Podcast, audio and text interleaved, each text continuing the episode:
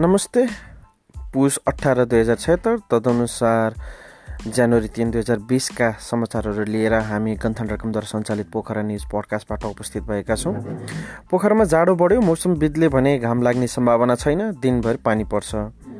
भूकम्पले त्रसिएपछि पोखरामा मानिसहरू सडकमा र राष्ट्रिय औद्योगिक व्यापार मेला पुस अठारदेखि अठाइससम्म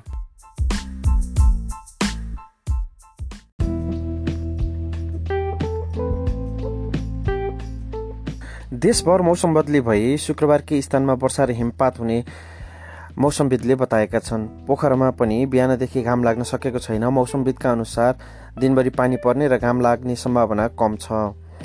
शुक्रबार रातिसम्म उच्च पहाडी तथा हिमाली भागमा मध्य मध्यमदेखि भारी हिमपात र पहाडी तथा तराईका केही स्थानहरूमा हल्का वर्षाको सम्भावना छ। यस्तो अवस्था शनिबार र आइतबार पनि जारी रहनेछ।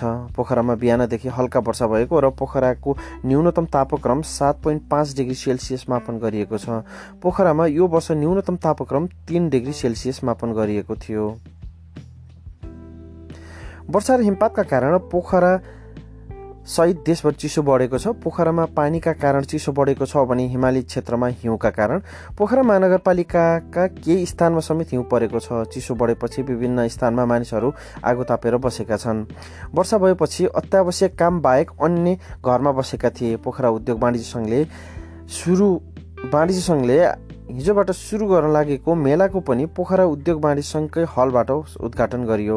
चिसोबाट बालबालिका ज्येष्ठ नागरिक र बिरामीहरू अझ बढी प्रभावित भएका छन्। धेरैजसो घर बाहिर निस्किन सकेका छैनन् भने घरमै रहेकाहरू एसी हिटर वा कोइलाको सहयोगमा कोठा न्यानो बनाएर बसेका छन्।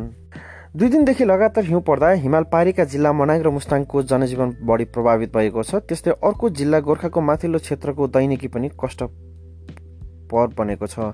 गोर्खाको माथिल्लो क्षेत्रमा दुई फिट हिउँ जमेको स्थानीयले बताए। मनाङको तापक्रम घटेर माइनस नौ डिग्रीमा झरेको प्रहरीले बताएको छ।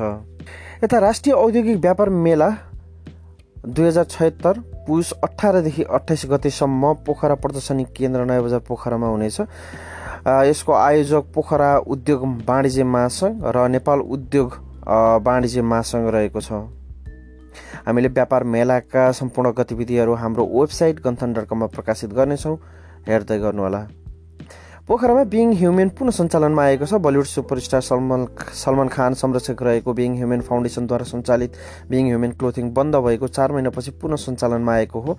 बिङ ह्युमेनको आधिकारिक विक्रेता वस्त्र इङ्क प्रणालीको सञ्चालक फेरिएसँग यो पुनः सञ्चालनमा आएको हो। नयाँ नेतृत्व फेरिएपछि पोखरामा फेरिएपछि काठमाडौँमा बाह्र दिन अघिदेखि ह्युमेन बिङ क्लोथिङ स्टोर पुनः सञ्चालनमा आएको थियो आएको थियो भने पोखरा स्थित पोखरा ट्रेड मलमा बिहिबारदेखि पुनः सञ्चालनमा आएको वस्त्र इङ्क प्रणालीका कार्यकारी अधिकृत सुदीप चन्द्र बखरेलले बताए।